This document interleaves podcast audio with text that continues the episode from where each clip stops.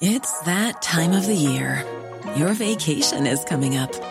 You can already hear the beach waves, feel the warm breeze, relax, and think about work. You really, really want it all to work out while you're away. Monday.com gives you and the team that peace of mind. When all work is on one platform and everyone's in sync, things just flow wherever you are. Tap the banner to go to Monday.com. Ryan Reynolds here from Mint Mobile. With the price of just about everything going up during inflation, we thought we'd bring our prices down. So to help us, we brought in a reverse auctioneer, which is apparently a thing. Mint Mobile unlimited premium wireless. Ready to get 30, 30, bit to get 30, bit to get 20, 20, 20, bit to get 20, 20, bit to get 15, 15, 15, 15 just 15 bucks a month. So, Give it a try at mintmobile.com slash switch. $45 upfront for three months plus taxes and fees. Promo rate for new customers for limited time. Unlimited more than 40 gigabytes per month. Slows. Full terms at mintmobile.com. Burrow's furniture is built for the way you live. From ensuring easy assembly and disassembly to honoring highly requested new colors for their award-winning seating, they always have their customers in mind. Their modular seating is made out of durable materials to last and grow with you. And with Burrow, you always get fast, free shipping. Get up to 60% off during Burrow's Memorial Day sale at burrow.com slash ACAST. That's burrow.com slash ACAST. burrow.com slash ACAST. Palmemordet 30 sekunder. Sveriges statsminister Olof Palme är död. 90 000. Ja, det är mord på Sveavägen. Hörde de säger att det är Palme som är skjuten. Mordvapnet med säkerhet är en Smith Wesson, en revolver kaliber .357. Inte ett svar. Finns inte ett svar. För jag har Polisen söker en man i 35 till 40-årsåldern med mörkt hår och lång mörk rock. Välkommen till podden Palmemordet som idag görs av mig, Dan Hörning. När vi närmade oss den 28 februari 2023 så var jag förstås nyfiken på vilka böcker som skulle släppas och vilka dokumentärer som skulle göras. Men tyvärr var intresset för Palmemordet sämre än vad det har varit sedan jag började göra den här podden. Det var ju förstås 2016 då och det var 30-årsdagen. Men sen har intresset gått upp. Det släpptes ju tre dokumentärserier 2018 och sen kom den stora presskonferensen 2020. Men nu verkar intresset vara ganska lågt och det märker vi också på lyssnarsiffrorna. Så vi får hoppas att det kommer någon stor mediehändelse så att intresset går upp. Det kom dock en dokumentär på SVT. Finns att se på SVT Play. Den heter 30 sekunder. Det här är texten på SVT Play, citat. En film om Palmemordet. Klockan startar när mördaren avlossar det första dödande skottet. Sekund för sekund placeras vittnesmålen ut och vittnena berättar vad de såg. Ett nytt, överraskande scenario över vad som rimligen har hänt framträder. En film om mordet på Olof Palme av Håkan Pienowski och Bo G Andersson. Slutcitat. Bo G Andersson känner ni igen, han har ju varit gäst här i podden. Jag såg förstås dokumentären så fort det bara gick och jag är imponerad av upplägget. Just att vittnesmålen placerades ut sekund för sekund och det blev spännande och intressant. Jag tänkte vart är det här på väg? Och helt plötsligt dyker Christer Pettersson upp. Men han är inte mördaren. Han är bara där i hörnet Tunnelgatan Sveavägen. Och Lisbeth ser honom. Det här tänkte jag direkt var ju väldigt problematiskt. För att det finns ju många vittnen som bara ser gärningsmannen, Lisbeth och Olof på mordplatsen.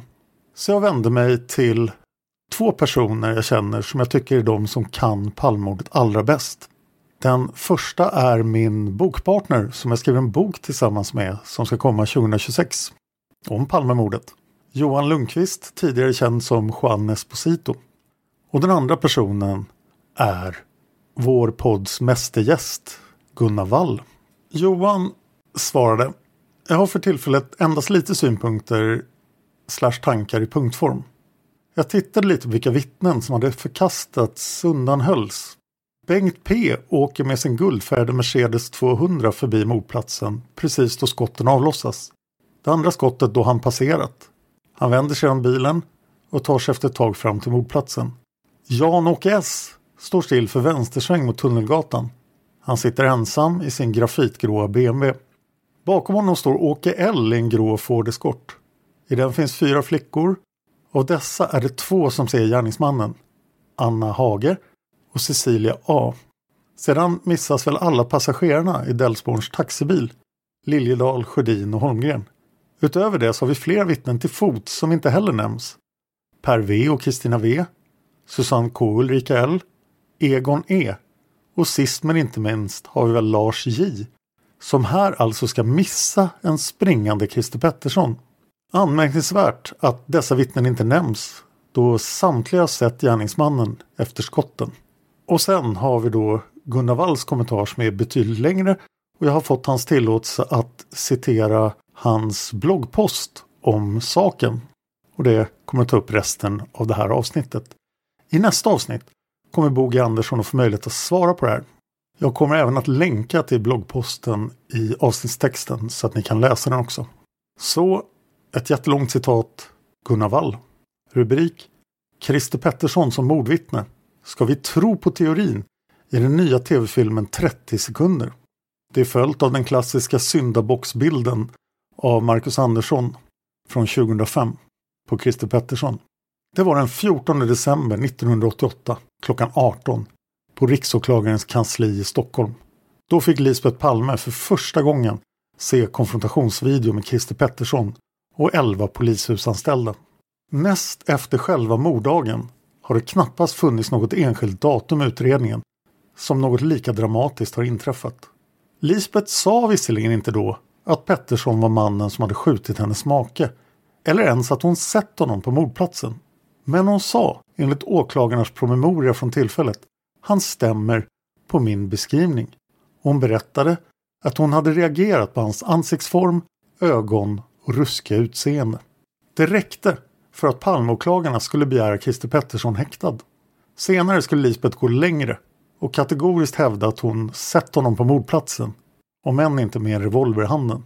Och till sist skulle hon, i form av en jakande nickning i hovrätten, direkt utpeka honom som sin makes mördare. Lisbeth Palmes utpekande av Christer Pettersson är givetvis ett av de mest sensationella inslagen i den långa, långa Palmeutredningen. Missbrukaren från Rotebro har en förmåga att långt efter sin död uppenbara sig i nya former i debatten om Palmemordet. När han åtalades presenterade åklagarna honom närmast som en vettvilling som utfört ett meningslöst slumpdåd framkallat av att han råkat stöta på Palme vid Grand och varit på fel humör och därför passat på att skjuta ihjäl statsministern efter biobesöket. Advokaten Pelle Svensson valde att lansera Pettersson i en annan roll, som hitman i en liten mordliga ledd av bombmannen Lars Tingström. Pettersson hade enligt Svensson åtagit sig att döda inte bara Palme utan även kungen och justitieministern. Filmaren Stig Edling och senare också bland andra Tore Forsberg från kontraspionaget på Säpo lanserade istället teorin om att det egentligen inte alls handlade om Palme. Pettersson hade tänkt skjuta knarkhandlaren Sigge Cedergren men tog fel på person. Och i och med Bo G Anderssons och Håkan Pienowskis film 30 sekunder har vi ännu en variant. Pettersson var på mordplatsen men som ett oskyldigt vittne. Han hade, menar filmarna, bara råkat vara där och sedan snabbt försvunnit. Rädd för att bli oskyldigt utpekad ifall han stannade kvar. Filmen ligger kvar på SVT Play i två år framåt. 30 sekunder kan förstås på ett plan helt enkelt ses som en ärräddning av Lisbeth Palme. Allt färre tror idag på Christer Pettersson som Palmemördare. Inte ens Lisbeths söner Joakim och Mårten ställer sig längre bakom anklagelsen mot missbrukaren från Rotebro. De lutar numera offentligt åt åklagarväsendets nya favoritmisstänkte, den avlidne försäkringstjänstemannen från Täby. Vid sidan av det finns en hel rad andra teorier som har sina uppbackare. Det är väl tveksamt om spåret Pettersson vid en opinionsmätning ens ska hålla sig kvar bland topp 5. Med andra ord, Lisbets utpekande kan, för den som så vill, ses som något som inte kastar en skugga över Pettersson, utan snarare över henne själv. Tvärsäkert, men på vad som nu framstår som väldigt diskutabla grunder har hon pekat ut en förmodligen oskyldig person. Nu vet den som har fördjupat sig lite grann i vittnespsykologi att vittnen ofta har fel och att styrkan i deras upplevda eller påstådda säkerhet inte alls är kopplad till frågan om de har rätt eller inte. Inte ens kraftiga känslomässiga reaktioner från vittnen som gör tvärsäkra utpekanden är bevis för att utpekandena är riktiga. Våra hjärnor är på många sätt väldigt imponerande organ, men de fungerar inte alltid som de ska. Det där kan vara skrämmande och delvis av den anledningen svårt att ta till sig. Och när det handlat om Lisbeth Palme har dessutom sympatier för henne som brottsoffer och ibland också rena politiska lojaliteter ytterligare förstärkt uppslutningen bakom hennes utpekande av Pettersson. Ett ofta upprepat påstående har varit att om Lisbeth har pekat ut Pettersson så måste ju han vara mördaren. Hon borde ju veta. Hon var ju där. Ledande politiker som Ingvar Carlsson och Stefan Löfven hör till de som har gjort sig till företrädare för de tankarna. Och samma sak gäller Palmes statssekreterare Ulf Dahlsten som länge varit en av de mest engagerade talespersonerna för teorin om Pettersson som mördaren. Men det har, och det kan vi nog inse idag, ett pris att driva sådana teser. För om Pettersson till sist framstår som oskyldig så kan den som har tagit intryck av argumentet Lisbeth borde ju veta, hon var ju där, lätt börja tänka i termer av att den mördade statsministerns hustru av någon anledning medvetet kan ha farit med osanning. Och då kommer 30 sekunder som en sorts lösning på det dilemmat.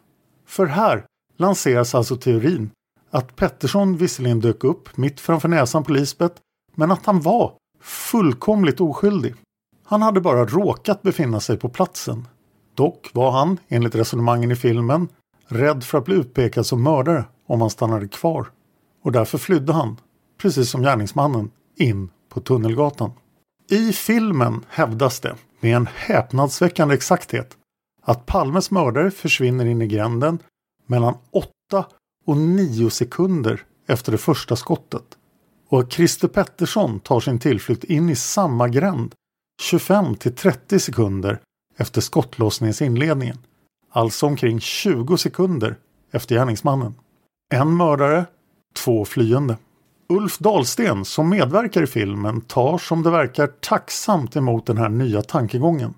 Det skulle betyda att Lisbeth hade rätt i en väsentlig mening. Att hon verkligen såg Pettersson och att han dessutom hastigt hade lämnat brottsplatsen. Samma väg som gärningsmannen dessutom och nästan i hasorna på denne. Det är ju en spännande tanke, även om den kan förefalla lite långsökt. Och det är givetvis bra att den formuleras så att den kan prövas. Men tyvärr kan man inte säga att filmen 30 sekunder genomför en sådan prövning med någon större ambition.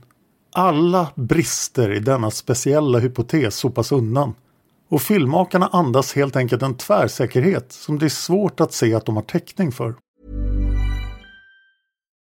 Life is full of what ifs. Some awesome, like what if AI could fold your laundry? And some, well, less awesome, like what if you have unexpected medical costs? United Healthcare can help get you covered with Health Protector Guard fixed indemnity insurance plans. They supplement your primary plan to help you manage out of pocket costs. No deductibles, no enrollment periods, and especially no more what ifs. Visit uh1.com to find the Health Protector Guard plan for you. Quality sleep is essential. That's why the Sleep Number Smart Bed is designed for your ever evolving sleep needs. Need a bed that's firmer or softer on either side? Helps you sleep at a comfortable temperature? Sleep Number Smart Beds let you individualize your comfort so you sleep better together. JD Power ranks Sleep Number number 1 in customer satisfaction with mattresses purchased in-store. And now, save 50% on the Sleep Number limited edition Smart Bed for a limited time. For JD Power 2023 award information, visit jdpower.com/awards. Only at a Sleep Number store or sleepnumber.com. Hey, it's Ryan Reynolds, and I'm here with Keith, co star of my upcoming film, If, only in theaters, May 17th. Do you want to tell people the big news?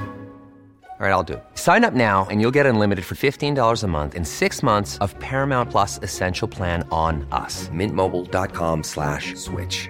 Upfront payment of $45 equivalent to $15 per month. Unlimited over 40 gigabytes per month. Face lower speeds. Videos at 480p. Active Mint customers by 531.24 get six months of Paramount Plus Essential Plan. Auto renews after six months. Offer ends May 31st, 2024. Separate Paramount Plus registration required. Terms and conditions apply if rated PG. Det heter till exempel om taxiföraren Hans J som gör en observation av en man som springer in på Tunnelgatan. Det han ser måste vara samma man som Leif Ljungqvist har sett springa in i gränden. Alltså Christer Pettersson. Här finns inga om eller kan vara. Det är bara pang på. Vi blir försäkrade att Lisbets utpekan och Pettersson har fått sin förklaring. SVT rubricerar filmen som en dokumentär och som true crime. Det kan diskuteras om beteckningarna är helt korrekta. Det hela är förstås en definitionsfråga. Men på Wikipedia som brukar förmedla någon sorts brett förankrad uppfattning av vanliga företeelser heter det så här. En dokumentärfilm är en film som dokumenterar en aspekt av verkligheten. En dokumentärfilm är inte dramatiserad eller iscensatt och historien som berättas är inte fiktiv. Filmen 30 sekunder innehåller dock inte bara högst kontroversiella påståenden som presenteras som om de vore sanningar. Filmen avstår från att redovisa åtskilligt som går tydligt på tvärs mot dessa påstådda sanningar. Och den innehåller hela tiden dramatiserade scener där skådespelarna gestaltar det påstådda händelseförloppet. Jag tycker det här är lite problematiskt. Gränserna suddas ut mellan vad människor förväntar sig av en dokumentär till skillnad från mer uppenbar fiction, till exempel Netflix-serien Den osannolika mördaren, eller en spelfilm om Palmemordet som Sista kontraktet. Det är förstås inget fel att dramatisera ett händelseförlopp för att göra en film underhållande. Till skillnad från skribenten på Wikipedia menar jag att sådant mycket väl kan få förekomma i en dokumentärfilm. Men det vilar i så fall ett stort ansvar på filmarna att redovisa vad som är hypoteser och vad som är rimligt belagda fakta. I alla fall om dokumentären är avsedd som ett inlägg i en sakdebatt och inte bara bör ses som underhållning. Låt oss nu gå in på själva sakdebatten. Och låt oss börja med vad jag ser som ett grundproblem med hypotesen om att Christer Pettersson bara råkar befinna sig precis på mordplatsen trots att han är totalt oskyldig. Det är, krasst uttryckt, att den talar mot all sannolikhet. Låt mig förklara.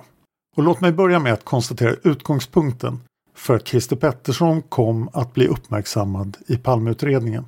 Det handlade nämligen inte alls om att någon skulle ha sett honom i Dekorima-hörnan, utan om helt andra saker.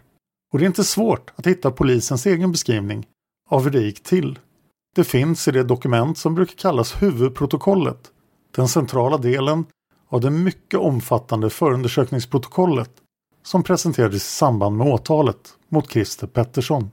I huvudprotokollet finns det ett avsnitt som heter Brottsmisstankarna. Där framgår att Pettersson, i likhet med många andra personer, dök upp tidigt i utredningen. Det skedde redan i april 1986 i vad som i huvudprotokollet beskrivs som tre av varandra oberoende spaningsuppslag. Så här står det vidare i protokollet. Två av dessa föranleddes av likheter med den så kallade fantombilden.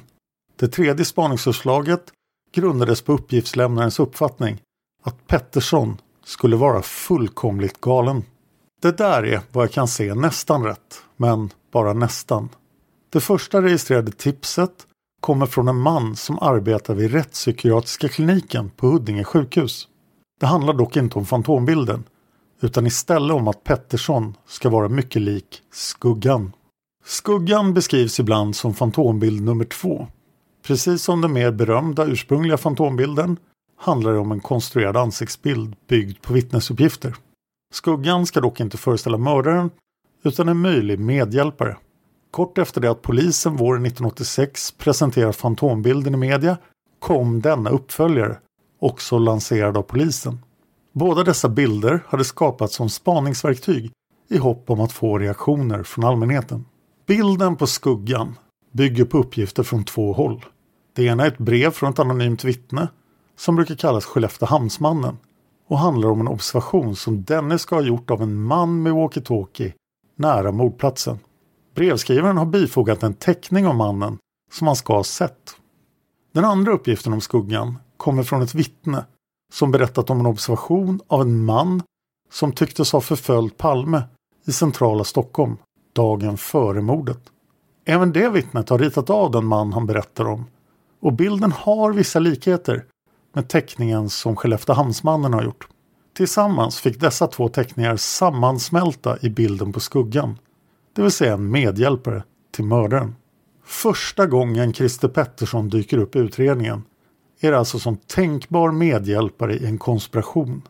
Han har fört tipsarens tankar till en dimmig figur som antas ha skuggat Palme dagen före mordet och som under mordkvällen varit utrustad med walkie-talkie.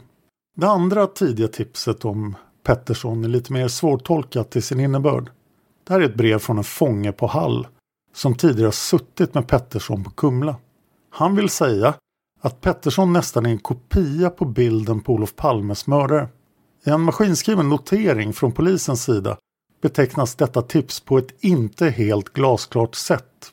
Det går att tolka som om det ska stå att det gäller en man som är lik Fantombild 2. Men den som tittar ser att det har skett en överskrivning på ett sätt som kunde göras med skrivmaskiner. På samma ställen som tvåan finns också en etta, dock lite mindre tydlig.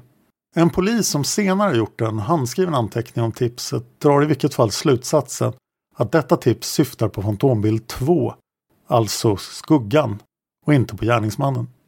En mer rimlig tolkning kanske ändå den som slagit igenom i huvudprotokollet, att fången tänkt på Fantombilden, som ju var mer känd och som direkt framställdes som om den skulle handla just om mannen som sköt Palme. Och vad var det då för uppgifter som låg bakom den första singlementsbilden?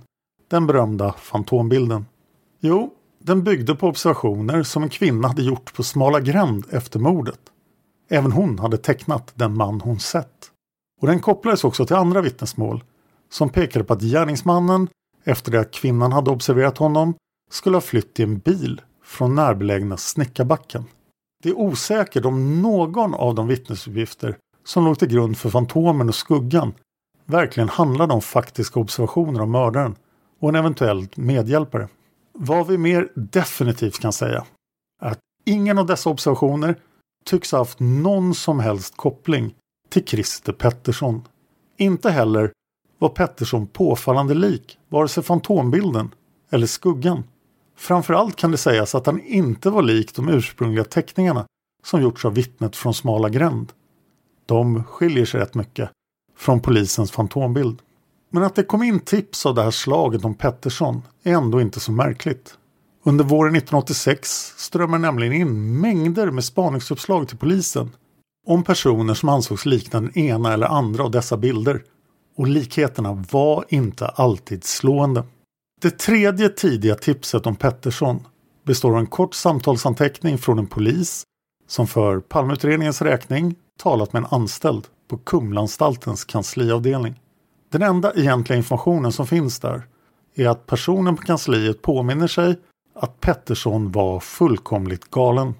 Mycket pekar på att detta samtal är en ren uppföljning från polisens sida av något av de två andra tipsen. I så fall rörde det sig inte om tre oberoende spaningsuppslag utan bara om två och inget av dem hade något påtagligt värde kan man tycka. Framförallt handlade inget av dem om att Pettersson skulle varit synlig på mordplatsen. Det hindrade dock inte att när Pettersson långt senare lanserades av utredarna som misstänkt Palmemördare fanns det många som ville göra en poäng av att han hade förekommit tidigt i utredningen och att om polisen hade agerat snabbare då kunde mordet ha varit löst för länge sedan. Vad som hände var att Pettersson sedan hans namn fladdrade förbi våren 1986 för utredarnas del föll mer eller mindre i glömska fram till 1988. Under sommaren 88 beslutade åklagare och polis sig för att de fortsatta spaningsåtgärderna inte bara skulle fokusera på uppgifter med anknytning till Sveavägen utan också till spelklubben Oxen som var belägen ganska nära brottsplatsen och där det hände att det cirkulerade olagliga vapen.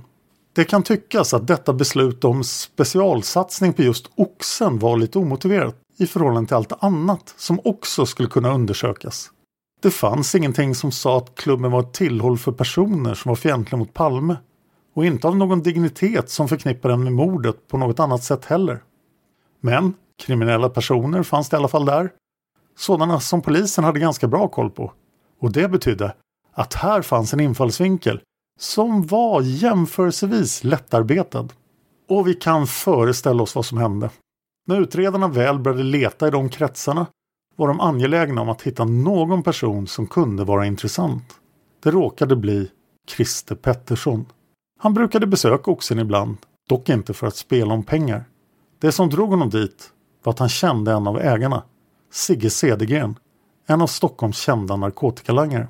Och den vanligtvis Panke Pettersson brukade söka upp Cedergren för att tigga lite amfetamin, en drog som han nyttjade parallellt med sitt supande. Utredningen av kretsen kring Oxen kom ganska snabbt att fokuseras på Pettersson. Han hade själv uppgett att han hade varit i centrala Stockholm under mordkvällen och han var känd för att stundtals vara en farlig person. 1970 hade han till och med dödat en man på Kungsgatan, inte långt från platsen där Palme mördades. Och inte nog med det.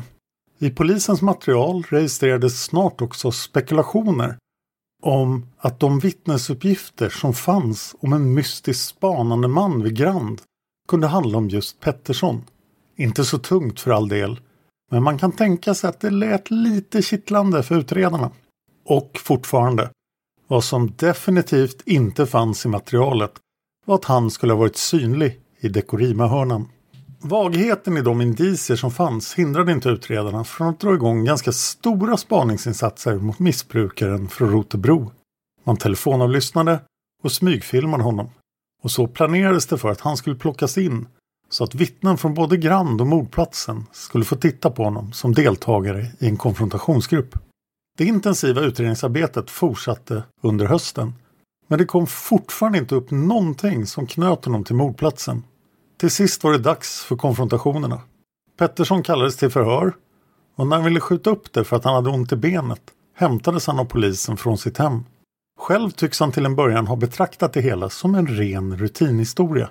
Han förekom på många poster i kriminalregistret och var van vid att polisen ville tala med honom om det ena och det andra. Under dagen inträffade dock saker som gjorde det lite bekymmersamt för Pettersson. Han ställdes upp i konfrontationsvisningar tillsammans med elva män som jobbade i polishuskvarteret. Och två fall så var resultatet till synes besvärande för honom.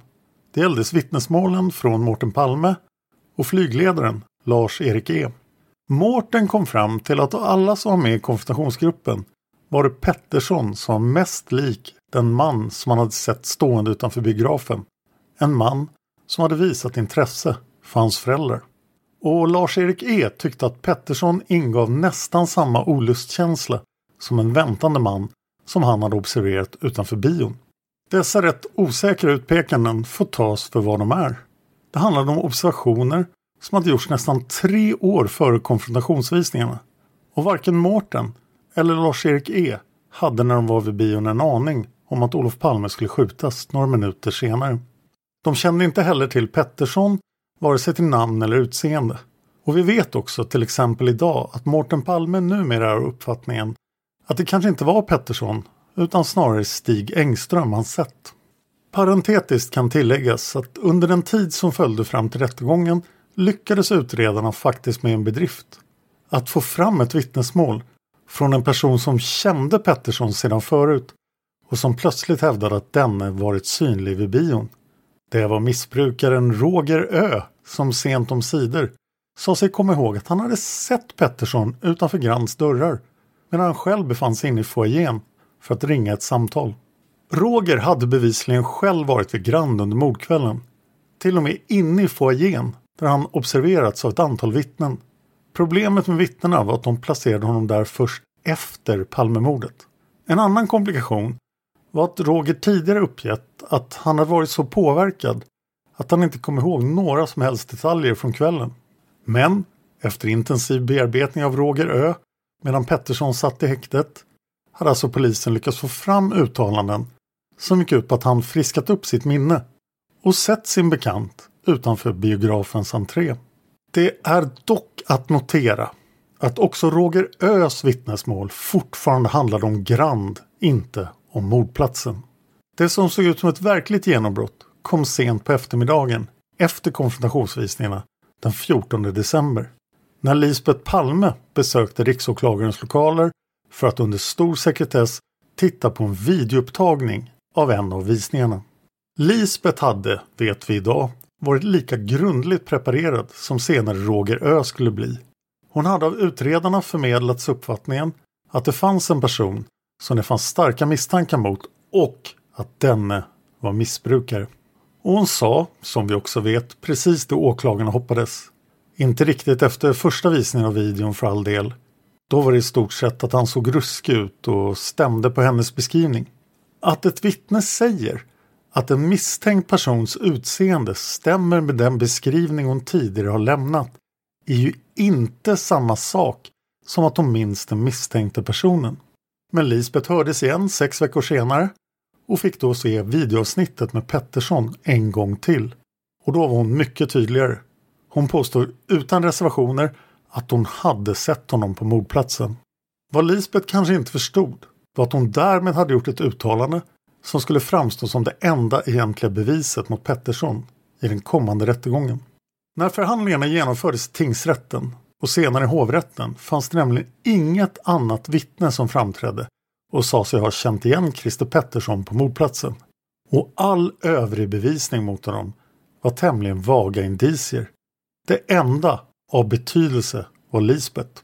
Nu är det förstås viktigt att notera att när tingsrättsförhandlingarna hölls var Pettersson fortfarande okänd för de flesta. I media gick han under namnet 42-åringen och han visades inte upp på bild. Men efter den fällande domen i tingsrätten, den kom den 27 juli 1989, presenterades Pettersson i stor skala i nyhetsmedia med namn, med bild och med filmupptagningar.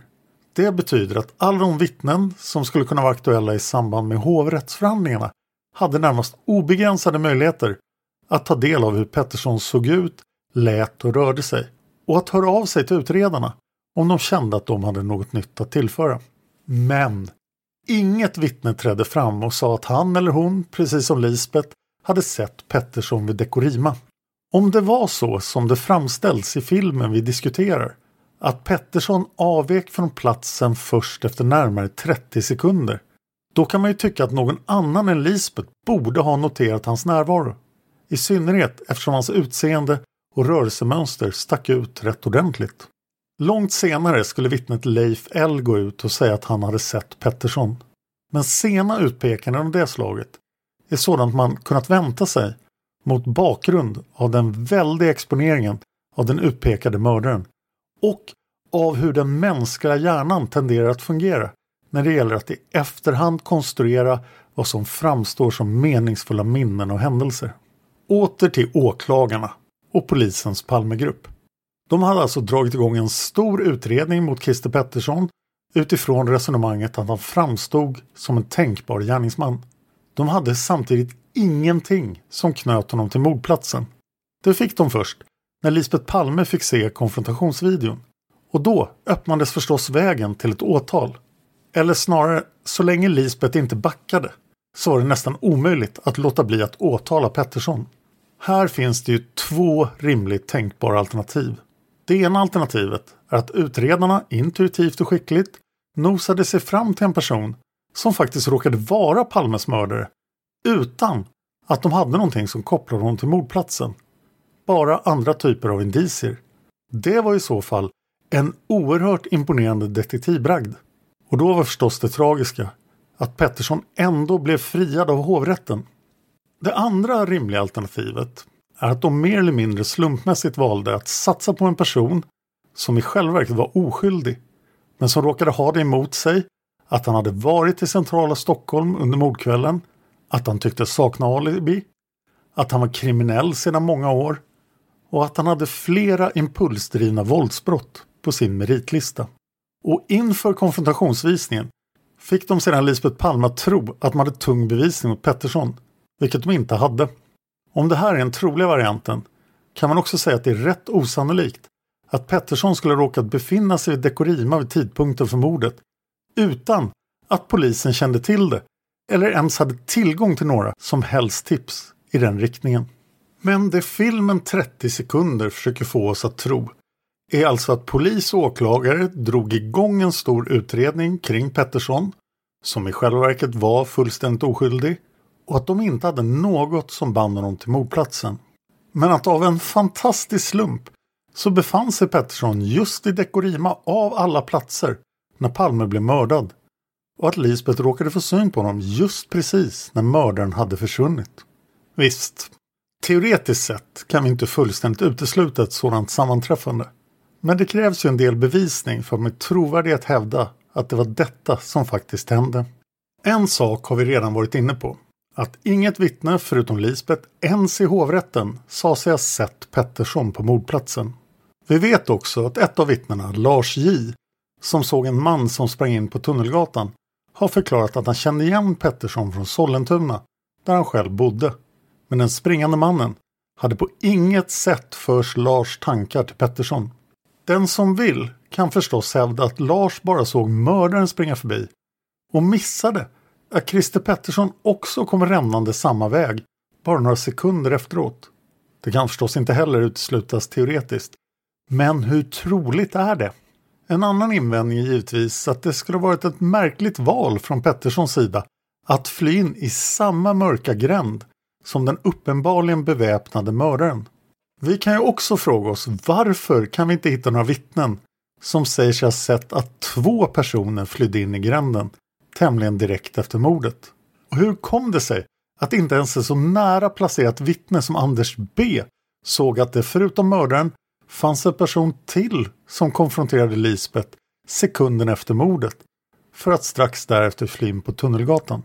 Det finns en intressant problemställning som berör dessa frågor och det är hur många personer befann sig på vad som kan kallas för själva brottsplatsen när mordet ägde rum.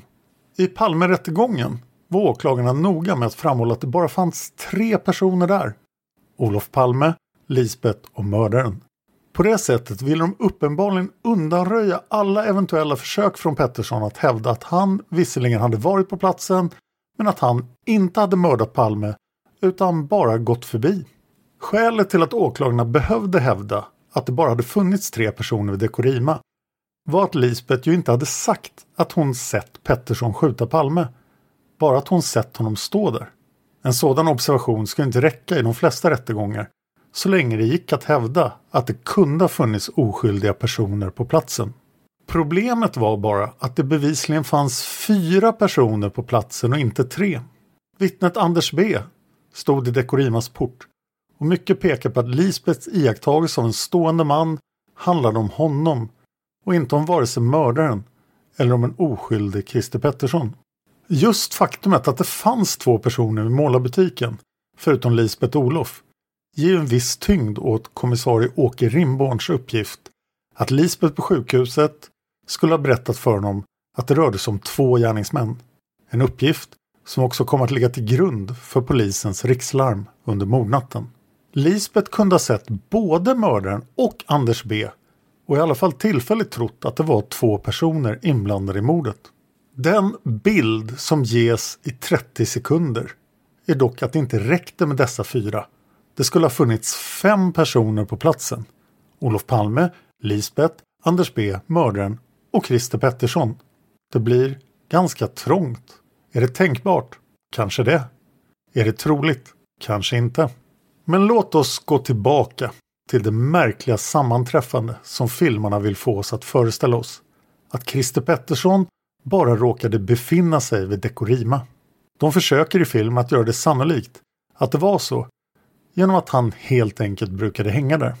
Det är den numera avlidna Lillemor Östlin, författare och Sveriges kanske mest berömda kvinnliga kåkfarare.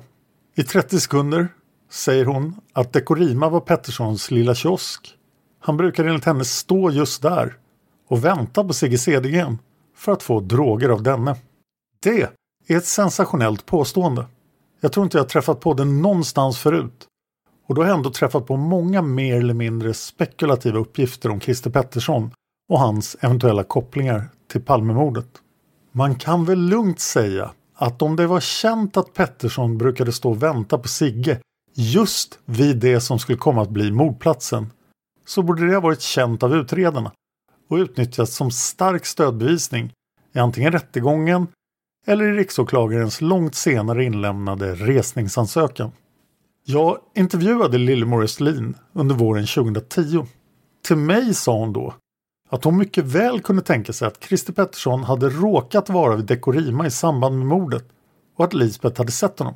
För mig motiverar hon dessa tankegångar med att platsen ju låg mellan Sigges bostad på Tegnérgatan och Oxen på Oxtorgsgränd en bit söder om Kungsgatan. Planning for your next trip?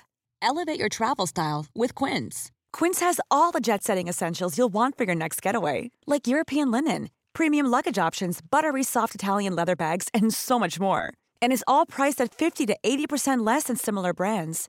Plus, Quince only works with factories that use safe and ethical manufacturing practices. Pack your bags with high-quality essentials you'll be wearing for vacations to come with Quince. Go to quince.com/pack for free shipping and 365-day returns. Pettersson kunde enligt Lillemor ha strosat omkring i området mellan Sigges två adresser. Ett område som ju innefattade både Dekorima och Grand medan han väntade på att Sigge skulle dyka upp.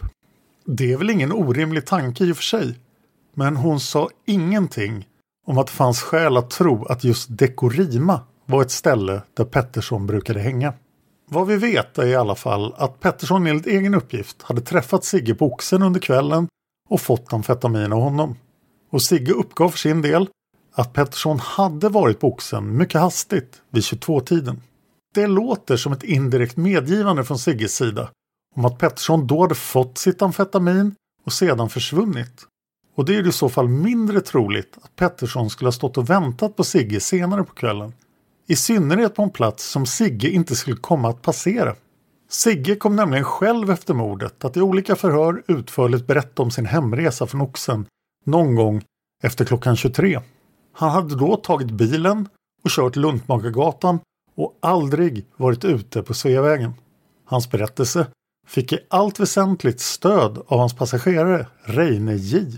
Det är inte precis något stöd för att Pettersson hade skäl att tro att han skulle hitta Sigge om han stod vid Dekorima ifall han av någon anledning ville träffa honom igen. Om Pettersson verkligen ville träffa Sigge hade det förstås varit mycket enklare att gå tillbaka till spelklubben eller att vänta utanför Sigges bostad på Tegnérgatan. Man bör väl också tänka sig att om Christer Pettersson hade uppehållit sig vid Dekorima i stressad väntan på att kanske tigga till sig lite mer amfetamin av Sigge så borde han ha blivit uppmärksammad av andra. Inte bara av mordplatsvittnena utan också av personer som gick förbi platsen minuterna före mordet. Han var ju en person som gjorde ett visst, ofta skrämmande, intryck på sin omgivning. Och om han bara var ute för att tigga lite tjack hade han ingen större anledning att försöka göra sig obemärkt. I alla fall inte på det sätt som en eventuellt väntande mördare skulle göra. Låt oss lägga till att det i rättegången också framträdde två vittnen, Algot Å och Enar H, som gav Pettersson alibi för mordet om deras uppgifter var riktiga. Algot menade att han sett Pettersson i Märsta omkring klockan 23.20 och Enar hävdade att han hade sett honom vid pendeltågstationen i Rotebro någon gång mellan 23.45 och 23.50. Det hela stämde bra med Petterssons egen berättelse om att han hade somnat på pendeltåget, vaknat på ändhållplatsen i Märsta och fått åka tillbaka till Rotebro där han steg av och gick hem. De uppgifterna redovisas inte alls i filmen 30 sekunder. Självklart kan vi ändå överväga att filmarna kan ha halvvägs rätt i den tes de driver i programmet. Det kan ha funnits någon, om än inte Pettersson, som slank in i gränden nästan direkt efter mördaren. Den delen av tesen underbygger de med sina resonemang om vad de kallar för en tidslucka mellan vissa observationer som de anser handlar om den flyende gärningsmannen och andra observationer som de anser handlar om den flyende men oskyldige Pettersson. Det finns skäl att diskutera om det kan ligga något i det resonemanget och jag upplåter gärna utrymme på bloggen åt den diskussionen. En central punkt som 30 sekunder flaggar för är att filmarna lyckats analysera hur rödljusen slog om och att det hjälpt dem att bestämma tiden för var olika bilar befann sig under de sekunder som följde på mordet. Det här presenteras som ett stort avslöjande och som en utredning Palmeutredarna missat att genomföra. Ackompanjerat av revolverskott, en tickande klocka och ödesmättad musik heter det. Helt nytt och avgörande är insikten om hur trafiksignalerna slår om mellan grönt och rött, vilket polisens utredare av palmordet aldrig har tagit hänsyn till. Och vår berättelse skildrar de första 30 sekunderna som ingen kunde stoppa. Att ta hänsyn till sekundernas obevekliga gång är en förutsättning för att kunna förklara vad som utspelar sig på mordplatsen efter mordet. Det här låter ju mäktigt. Men det förekommer ingen tydlig redovisning av den undersökning som filmarna hänvisar till att de utfört. Det är kanske förståeligt. Det är svårt att presentera något sånt i en film, som ju är ett medium som mer kommunicerar med känslor än med intellektet. Men det går ju att lägga fram materialet någon annanstans. Vi är säkert många som väntar oss att få ta del av en genomarbetad skriftlig presentation. Och till dess finns det anledning att påminna om att det kring Palmemordet har förts åtskilliga diskussioner under årens lopp kring problem med tiderna. Det har gällt saker som tiden för mordet, bland annat i förhållande till bankomattiderna på Tunnelgatan respektive Sveavägen. Tiden för områdeslarmet till polisbilarna. Kommissarie Gösta Söderström hävdade som bekant att den officiella tiden var sex minuter fel och andra har hävdat att tiden var fel men inte så mycket som Söderström menade. Tiden för Stig Engströms utpassage från Skandia. Något som förstås har betydelse i diskussionen om Stigs eventuella alibi. Vad som kan sägas är att dessa diskussioner ofta visat sig vara svåra och att det kan vara vanskligt att komma fram till säkra svar. Men förutsättningen för att de ska kunna föras är att de som diskuterar har tillgång till själva grundmaterialet. Till det kommer förstås att även om vi skulle ha kunskap om när olika ljus slog om kan vi tänka oss att en del manövrer med bilar gjordes trots att det var rött ljus. Det var en extrem situation. Och inte minst då, men även ibland annars som bekant, så händer det att människor inte följer trafikreglerna. Det finns också viktiga uppgifter i utredningsmaterialet som helt enkelt förtigs i filmen. En sådan är taxiföraren Hans Js påstående att han gjort en U-sväng vid Apelbergsgatan motsägs av passagerarna som tillsammans ger ett mer eller mindre bestämt uttryck för att Hans J gjorde U-svängen redan vid Tunnelgatan. Om de har rätt spricker hela den tidsanalys som presenteras i filmen. Den som utmynnar i att Hans inte såg mördaren utan en person som sprang in i gränden först senare. Även sådant som inte har direkt bäring på filmens huvudtes får mig att reagera just över ofullständigheten i redovisningen. Ett av de centrala vittnena, Inge M, intervjuas i filmen. Han berättar om vad han anser är observationer om mördaren som han har gjort minuterna före mordet. Det handlar om en man som väntar utanför Dekorima. Jag anser för min del att Inges uppgifter om detta är viktiga. Men jag vet också att Inge, precis som andra vittnen, haft en benägenhet att förändra sina uppgifter under årens lopp. I filmen säger han att den väntande mannen är vältränad och militärisk. Han var där för att göra ett jobb. Och inget tillägger med eftertryck. Han var absolut ingen pundare. Jag har sett pundare i mitt liv. När jag intervjuade Inge 2010 berättade han om samma förlopp som han tar upp i 30 sekunder. Men till mig sa han han står inte helt stilla utan går omkring lite grann. Även när han står på ett ställe rör han sig. Det liknar det här typiskt oroliga sättet som en tjackpundare har. Det känner jag igen. För jag har jobbat med ungdomar som har alkohol och narkotikaproblem. Dessutom växte jag upp i Sköndal Farsta under den absolut svåraste perioden på 60 och 70-talen. I klassen jag gick i var vi 16 grabbar som följdes åt till nian. Det var jag och tre till som klarade oss från att hålla på med preparat. Så att känna igen en pundare var inget svårt. Och då frågade jag, det här var en pundare? Ingen svarade, ja ja, ja ja. En annan sak jag reagerade på var att filmarna visserligen tog upp taxiföraren Anders D men att det inte nämndes något alls om vad han hade berättat att han hade uppfattat precis före mordet. Att tre personer, gärningsmannen, Olof och Lisbeth, föreföll ha varit inbegripna i ett samtal. Det kan givetvis diskuteras om Anders D uppfattade situationen på ett riktigt sätt. Men han var mycket tydlig med detta redan under mordnatten. Då han både förhördes av polisen och intervjuades av media. I en film som avser att bygga sina slutsatser på vad vittnena säger är det, menar jag, viktigt att ta med alla centrala inslag i vittnesberättelserna och inte bara klippa och klistra för att presentera vad som ska se ut som en invändningsfri tes. En del kan tolka Anders Ds uppgifter om vad som såg ut som ett samtal som en indikation på ett möte. Andra kan tolka det som att vad han säger ska betraktas som mindre tillförlitligt. Men det är sådant som förhoppningsvis kan redas ut i en diskussion. vilket förutsätter att de viktiga bitarna i ämnet redovisas innan diskussionen inleds. Självklart är det svårt att få med allt av betydelse i en relativt kort film. Men det understryker behovet av att vara lite mer försiktig med slutsatserna än vad filmarna har varit. Förhoppningsvis kan debatten här på bloggen och i andra forum kompensera för en del av de bristerna. Och möjligen kan den i det sammanhanget bidra till att klargöra delar av händelseförloppet kring mordet. I så fall har 30 sekunder fyllt en viktig uppgift. Även om det inte är exakt den som filmarna själv flaggar för. Slut citat. Gunnar påpekar också att en ny version av filmen 30 sekunder lades ut på SVT Play efter publiceringen av den här recensionen. Gunnar har inte jämfört versionerna och den här texten behandlar alltså den första versionen. Om någon vet skillnaden mellan första och andra versionen så får ni gärna meddela oss. Ni kan gärna lämna era tankar om Gunnars synpunkter på Gunnars blogg. Jag finns på Twitter och Instagram. Jag heter Dan Hörning så är lätt att hitta. Följ mig gärna där.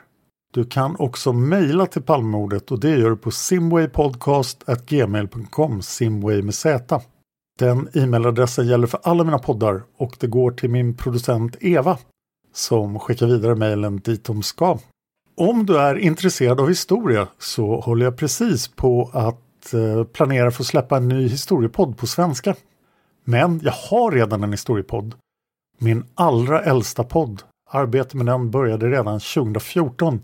Det är Fan of History där jag tillsammans med Bernie Maupolsky går igenom hela världshistorien från år 1000 före vår tideräkning. Vi har alltså hållit på i nio år och vi sitter just nu och skriver på 570-talet före vår tideräkning. Det är mycket Assyriska imperiet och gammaltestamentliga saker.